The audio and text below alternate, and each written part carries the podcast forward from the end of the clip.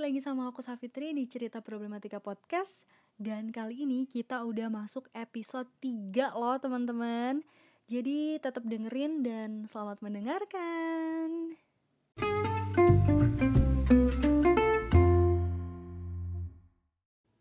Oke, jadi di episode kali ini aku bakalan bahas tentang sesuatu hal yang punya kaitan dengan episode 2 kemarin yang judulnya tuh cerita problematika mencintai diri sendiri. Nah, apa tuh? Episode kali ini aku bakalan bahas tentang problematika standar kecantikan di Indonesia. Hmm. Tentu kalian udah gak asing dong sama standar kecantikan yang berlaku di Indonesia. Ya, apalagi kalau bukan cantik itu putih, cantik itu tinggi, cantik itu langsing, cantik itu itu rambutnya bagus, panjang, menjuntai, cantik itu glowing, kinclong, dan lain-lain sebagainya yang hanya berfokus kepada fisik. Hah, capek ya. Oh iya, jadi buat episode 3 ini aku tuh buka-buka juga skripsian aku kemarin karena aku juga bahas tentang kecantikan gitu. Uh, langsung aja ya kita mulai. Kita bahas. Ya Allah serius banget ya. Jadi kalian suka bertanya-tanya gak sih? Dari mana sih munculnya itu standar kecantikan? Terus kok bisa gitu menjadi sebuah akar yang susah banget dicabutnya? Nah itu tuh udah jadi salah satu concernnya para feminis. Dan ada satu nama yaitu Naomi Wolf dia adalah seorang penulis feminis progresif liberal Amerika dan juga seorang jurnalis. Terus dia juga adalah seorang mantan uh, penasehat politik untuk Al Gore dan Bill Clinton. Keren banget ya. Dan oh ya, dia juga adalah salah satu orang yang namanya muncul dalam gerakan feminis gelombang ketiga di Amerika. Terus dia juga terkenal lewat bukunya yang judulnya tuh The Beauty Myth How Images of Beauty Are Used Against Women. Dan di dalamnya itu, Wolf tuh menunjukkan kalau selama ini tuh perempuan-perempuan kulit hitam, kulit coklat, kulit putih di Amerika tuh berhadapan dengan mitos kecantikan untuk menjadi perempuan yang perfect, yang punya tubuh yang tinggi, yang langsing, yang putih, yang berambut pirang, terus kulit wajah mereka tuh nggak boleh ada cacat sedikit pun harus benar-benar mulus untuk dikategorikan menjadi perempuan yang cantik. Dan hal itu tuh membuat eh, perempuan-perempuan di Amerika tuh ngerasa gak nyaman tentang tubuh mereka. Terus jadi munculnya banyak muncul fenomena eating disorder atau operasi pembesaran payudara misalnya. Itu tuh cuman hal kecil bukan hal kecil maksudnya cuma e, contoh kecil dari bahayanya mitos kecantikan yang berkembang di Amerika gitu. Dan Wolf juga menilai kalau itu tuh adalah usaha dari industri kecantikan gitu loh. Jadi industri kecantikan tuh kayak misalnya uh, industri kosmetik, fashion, yang dia tuh hmm, apa ya istilahnya menjadi alat untuk menerapkan sistem eh mak maksudnya menjadi alat untuk mendapatkan keuntungan dengan menggunakan sistem patriarki gitu untuk kontrol uh, kebebasan perempuan. Parah banget ya iya emang oh iya buat teman-teman juga yang masih uh, kurang familiar dengan istilah patriarki. Jadi patriarki itu adalah sebuah sistem sosial yang apa ya, yang menam, yang menempatkan laki-laki itu sebagai pemegang kekuasaan utama. Jadi dia yang mendominasi dalam setiap peran kepemimpinan politik, otoritas, moral, hak sosial, pokoknya semuanya deh.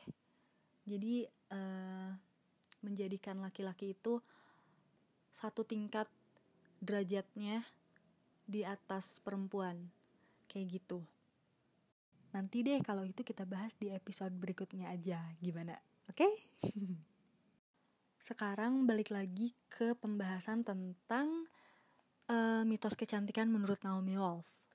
Menurut dia mitos kecantikan itu tuh dijadiin kayak alat untuk membuat perempuan tuh benci sama dirinya sendiri dan juga dia bilang kalau uh, mitos kecantikan itu lahir dari idealisasi yang melayani tujuan atau kepentingan tertentu. Dan itu tuh membuat perempuan tuh diserang secara fisik dan psikologisnya terhadap peran-peran mereka dengan cara mem, e, menempatkan mereka tuh dalam perasaan tidak pantas dan enggak nyaman gitu. Begitu kalau kata Naomi Wolf. Dan berdasarkan pemikirannya Wolf itu, kapitalisme dan patriarki itu sekali lagi bekerja sama untuk meraih tujuan yang berbeda. Hmm, itu bakal jadi bahasan yang panjang juga sih. Dan aku masih harus banget belajar tentang kapitalisme sama feminisme. Um, Oke, okay. Nanti ya. Siapa tahu di episode berikutnya aku bisa ngajak teman aku untuk ngobrol-ngobrol di podcast cerita problematika ini. Jadi bakalan lebih jelas lagi gitu. Nah, gimana nih teman-teman? Seenggaknya udah ada bayangan lah ya tentang kenapa sih gitu si standar kecantikan di Indonesia ini tuh kayak gitu. Itu tuh karena yang tadi kata Naomi Wolf bilang dari usahanya si industri kecantikan itu sendiri. Karena um, nyadar gak sih di Indonesia tuh masih banyak banget bahkan hampir hampir semua orang hampir loh ya semua orang masih beranggapan bahwa cantik itu ya kayak tadi kulit putih tinggi dan lain-lain sebagainya itu juga didukung oleh produk-produk kecantikan yang emang menjual produk kayak produk pemutih pemutih kulit ya maksudnya pemutih kulit terus peninggi badan segala macem. Dan itu tuh sebenarnya membuat perempuan-perempuan tuh semakin insecure gitu.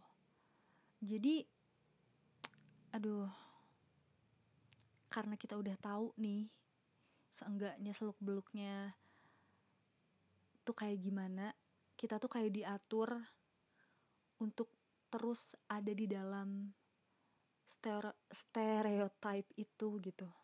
Jadi udahlah stop lah yuk kita belajar bareng-bareng buat nggak peduliin tentang standar kecantikan yang berlaku di mana pun.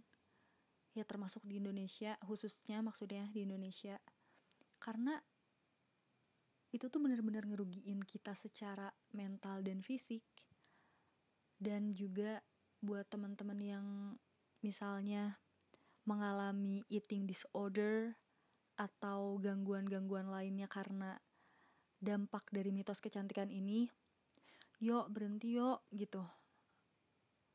Ayo kita bisa kok bareng-bareng buat berhentiin apa ya standar kecantikan ini kita kikis sedikit-sedikit walaupun memang susah pasti susah banget karena emang udah si mitos kecantikan itu tuh udah berkembang sangat luas dan sangat lama gitu di Indonesia sendiri. Tapi ya kita harus usaha, benar-benar harus berupaya untuk nggak terjebak di dalamnya. Lagian kecantikan itu tuh nggak harus menyiksa.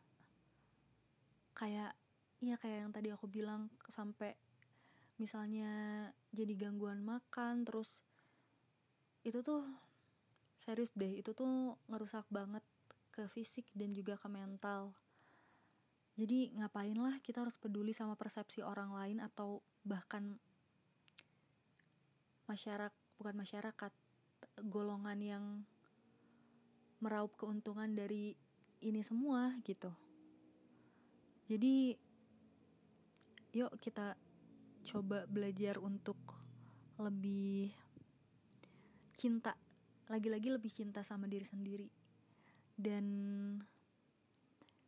kita usahain kalau kita jadi manusia yang terbaik berdasarkan vers versi kita masing-masing aja gitu. Hmm gitu sih.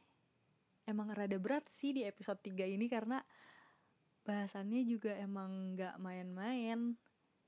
Tapi ya ya udahlah ya kita bawa enjoy aja tapi harus juga dipikirkan diresapi gitu bareng-bareng. Karena kalau nggak diusahain kita bakalan terus-terusan jadi perempuan-perempuan yang terperangkap